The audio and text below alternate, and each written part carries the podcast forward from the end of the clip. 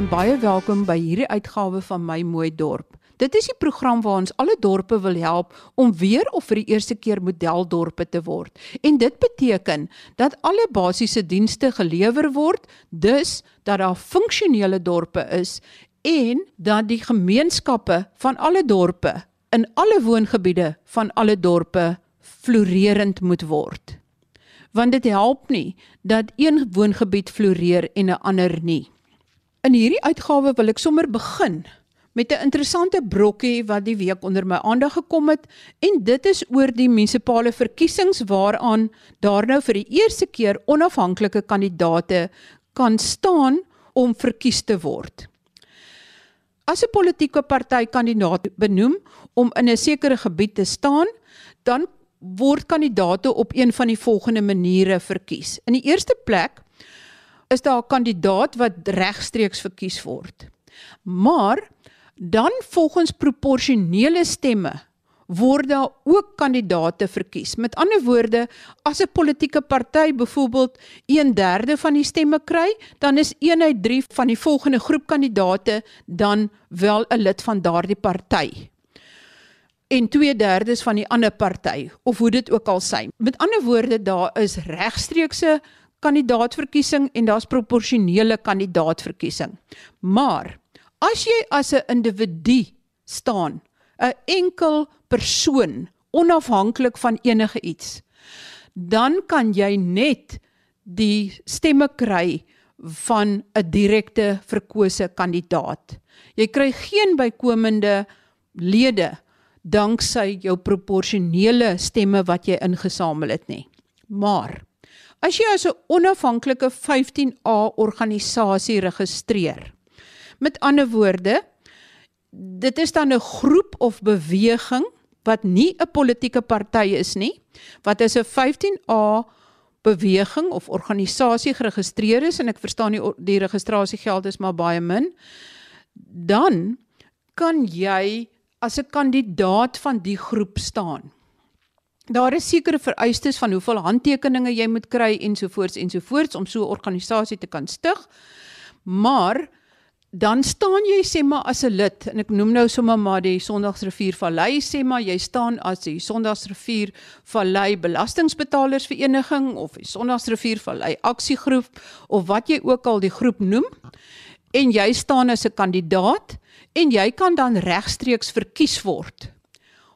Maar omdat jy dan as 'n 15A onderneming geregistreer is, kan jy nog 'n kandidaat of kandidate volgens die proporsionele verkiesingsstelsel nog mense bykry om op die raad te dien. Dus jy verloor nie dan jou proporsionele kandidate nie. Dit is aan my nuusbrokkie vir die dag.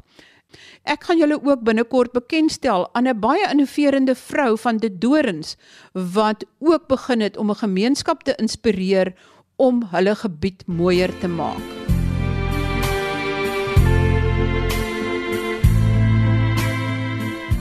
Ek wil julle vandag voorstel aan twee mense uit die Sondagsrivier Vallei. Al twee van hulle was woedende jong mans, aktiviste, opstokers, moeilikheidmakers, belhamels. Noem dit wat jy wil, maar hulle het verander. En dit is belangrik om elkeen se storie te hoor. Want daar is in jou eie gemeenskap mense met soortgelyke stories. Miskien het hulle nie so ver op die pad gevorder as Sanelle en Cloud nie, maar hulle is dalk gereed om op hierdie pad te vorder waar waar hulle verander van 'n moeilikheidmaker tot 'n baie dinamiese leier wat sy gemeenskap se belange op die hart dra. Kom ek stel julle voor aan die twee manne en luister na hulle stories wat dalk ook jou storie kon wees as jy in dieselfde omstandighede groot geword het. My name is Sanele Makatesi. I was born in Cape Town in a township called Kailicha. That's where I uh, grew up. And then um, after some time, after grade 12, I went to study in University of the Western Cape. Then in 2018, I decided to come to San River Valley because my mom was born here. And when I arrived here, I found that there's a need for the skills that I have um, of community development. So I've called my parents and said I'm going back to Cape Town. So since 2018, I've been volunteering for an organization called Langbo Stretch and Care Center, um, which is based in Sanders River Valley municipality. Sanelli, jy is nou betrokke by gemeenskapswerk. En ons weet almal dat mense wat in gemeenskappe werk, gaan nou nie juis die rykste mense in die land word nie, nog minder een of ander helse magnaat. Maar wat het jou getrek na hierdie werk toe en hoekom wil jy dit doen? Um, I've tried to work in private companies or private sector, but couldn't get happiness in those companies. But when I started volunteering for organizations um, around SA, that's where I found out that I have a passion for community development, specifically for youth empowerment and human empowerment in deep rural areas and semi-rural areas. So this is the passion that I have. This is something that I love. I feel good when someone come to me and says, Sanela, thank you for, for the things that you've been doing for me. Thank you the, for the things that you've um, helped me with. So this is my passion. This is something that I love. I'm not doing it for money. Yes, someone needs to have something to eat or something to sustain himself. But this is more than money or this is more than um, any resources. This is the passion. This is the love that I have. Sanelli, ons sit nou hier by die Langbos Crash en Sorgsentrum. En as ek hier rondom my kyk, dan sien ek kindertjies uh, wat op swaaye speel hier op die speelgrond. Ek sien vroue wat besig is om vir hulle kos te maak in die kombuisie. Ek sien 'n groentetuin, maar hier is ook baie dinge wat nog nie gedoen is nie en ook steeds baie behoeftes. Vertel vir ons bietjie meer. when the COVID 19 started, we, we were struggling in terms of um, resources and funds in order to maintain our projects. Um, specifically, um, in Langbo Station Care Center, we have more than eight staff, and the organization is struggling to pay their stipends. And another thing that we're struggling with is funds to maintain the building. I've shown you, Ms. Hudson, that um, the building um, needs proper maintenance, but we can't um, do maintenance because we don't have funding. Um, in our garden as well, we don't have money to buy seeds and seedlings. Uh, we don't have proper fencing. The goats and the cattle they enter our garden and destroy our garden. So we need fencing for our garden. We need funds for stipends, and then we need also funds in order to to make sure that our programs and projects keep going because in this community of Langbos, people really, really, really, they are really struggling and their only hope that they have is Langbos Ration Care Center. So if ever that we can get people and organizations that can assist us, it will mean that we are not only helping Langbos Ration Care Center, we are helping the whole community of Langbos. Yeah. Sanelli, jy het vir my vertel dat hoewel daar sopkombuise is wat kos verskaf aan mense wat werklik waar ver onder die broodlyn lewe, dat die verskaffing of die uitdeel van kos as 'n noodmaatreël goed is, maar dat dit nie die beste langtermynoplossing is nie. Wat is jou droom? Um, I always like um fight with the people that I meet or in certain meetings. Um, I don't believe in hangouts. I don't believe in people giving people food. um, or giving people clothes. I believe in people um, who give people skills in order to sustain themselves. I want Langbos people or Langbos young people to, to get skills programs where they can use in order to get jobs or in order for them to, to, to start their own businesses. By giving people food, that's not development. By handing out clothes to unemployed or poor people, that's not development. But if ever that you can give them skills such as like computer basic skills or other skills program, that will help them to find employment and to sustain themselves. To me, that's development. Een van die dinge wat ons in die Sondagsriviervallei wil doen is om data-insameling te doen sodat ons die nuutste inligting het oor wat die inwonertal is en wat die behoeftes en die stand van sake hier in die vallei is. Ek is seker julle gaan ook betrokke raak met die opname om vas te stel wat die werklike behoefte aan opleiding hier in Langbos is. We will do a survey, a proper survey where we'll check how many people who need skills and to check how many people who have matric how many people who are unemployed. I think that will take us a month or two, and then we'll um, we'll have a proper survey regarding Langmos community. Sanelli, jy's een van die mense wat betrokke is by die Sondagsrivier Collaborative, die SRC noem hulle hulle self. En hierdie collaborative is werklik ware groep mense wat samewerking of kollaborasie bevorder. Hulle doen ook leierskapsontwikkeling. Wat het die collaborative vir jou beteken en wat is die lesse wat jy self daaruit geleer het? Being a part of collaborative, it helped me as Usanele a lot. And it also helped my community a lot. I've learned a lot of stuff in collaborative. I've learned leadership skills. They gave me leadership training. They assisted me in terms of networking um, with other people that can assist me. And to be honest, that collaborative have done a, a massive job in San Jose Valley. When the COVID 19 hit, South Africa, we started with sanitizing schools, helping people with food, doing a lot of stuff in, in our community.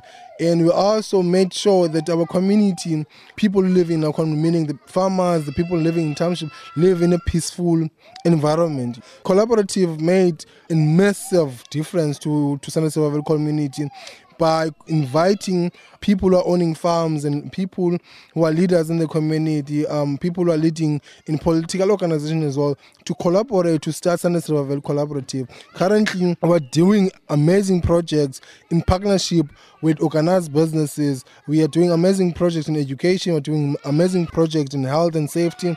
We're doing amazing projects in community development at large. So being a part of collaborative, I would say it's a blessing, also a blessing to all the communities around the Sevavel municipality. Wat is jou groot droom vir Langbos en die gemeenskap hier in die vallei? My big dream is to start a youth center in Nomatamsanga for young people. The center will have a business hub, will have a youth clinic because in Sana Valley, young people are facing difficulties in terms of receiving opportunities. Um, it could be uh, educational opportunities, it could be health, um, it could be um, school opportunities as well. So, by starting that um, youth center, it will help a large number of young people in Lower Valley that will assist them in terms of health. Um, where if they want to do HIV tests, they can go to that typical center. If they want to start businesses, there's people that can assist them. So I will bring um, to have that typical center that will assist young people in Lower Valley. Yeah. Baie dankie aan Sanelle. Julle gaan in die toekoms weer van hom hoor en ek hoop regtig dat van sy drome waar kan word dat hierdie gemeenskapsopheffingswerk voortgesit kan word en goeie vrugte sal oplewer.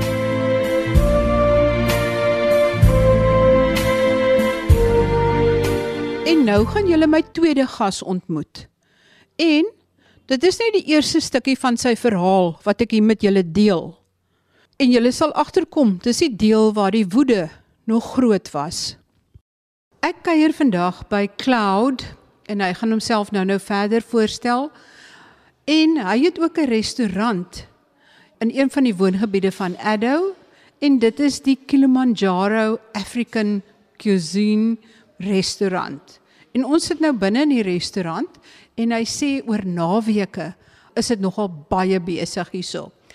Thanks mama. My name is Cloud Chovuka. I was born here in Edo in the farm called Sunland. I grew up here in Edo and I went to study further in the Western Cape because remember those days the highest standard of class that we had here it was only standard 8 not these grades today and I had to go out so that I can further the studies. And I came back to the Eastern Cape uh, 1993. And when I was back here, um, I saw a lot of change because we're about to approach the national elections when uh, things were going to be changing. After that, um, I've been living the life of uh, knowing me as only a black person who's been previously disadvantaged. And I've been having that mindset whenever I go around and do anything. I would uh, always separate myself from people of the race. And the attitude that I had, it was out of this world because I had that in my mind that there's us and them all the time. The other race, uh, taking those people as human, it was something that was never occurring in my in my life, and and I grew up and uh, worked at uh, VW for 15 years. Anyway, uh, when I started to have friends of other race, uh, like coloureds and and white people and Indians and all of that, it was when I was in a tertiary education. I was in a tertiary, and then um, I had to learn about other races. But the fact that I'm white, I'm black, they are white, it was never something that I thought it will ever end. Even then, I was working at VW the attitude was still there. But we were working together because the environment was forcing us to work together. Even though when we out of work, uh, we always gonna be um, going back to the originality of things then to say I'm black and other people are white and others are coloreds and all of that. Yeah, there was an anger because remember all these stories that we were hearing because remember those days uh, when there was uh, this apartheid era here, and uh, and we were very young, and we got stories about our uncles and grandparents and all of the kind of things that were living under um, a very stressful situations. And that thing was uh, making us to boil and to say this is it. And we need to make sure that we we fight back. But after we got our freedom, we were told that there's no way that you can embark on any fight with anyone because we are all South Africans. But it was just a say because in back of our minds we're always having that attitude of saying uh, these white people are still they are our superiors and they are still our employers. They are still people that are holding the economy. They are still people that are getting respect more than us. Um, all of that, it was something that was running in our heads, forgetting that, that even ourselves, we're depending on ourselves to pick us, ourselves up. We're not depending on anyone. So, up until 2018, when, um, let me start where this thing started. Luister volgende week verder na wat met Cloud gebeur het na sy hele besigheid ineengestort het. En ek gee ook meer agtergrond oor hoe en waarom dit gebeur het. Hoe hy nog steeds foute gemaak het, maar hoe sy gesindheid verander het na hy by die collaborative betrokke geraak het.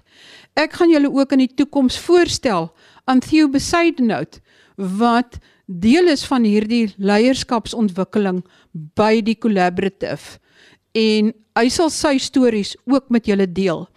Ek vertel hierdie stories want dit is dalk iets wat in julle eie gemeenskap kan gebeur. Dit is dalk iets wat brood nodig is in julle eie gemeenskap. Skakel volgende week weer in op my mooi dorp. Laat my weet wat by julle dorpe gebeur. Laat my weet wat julle nodig het om van julle dorpe modeldorpe te maak en kom ons vat hande en ons stap hierdie pad saam. Tot volgende week dan. Groete van my, Marie Hudson. Thank you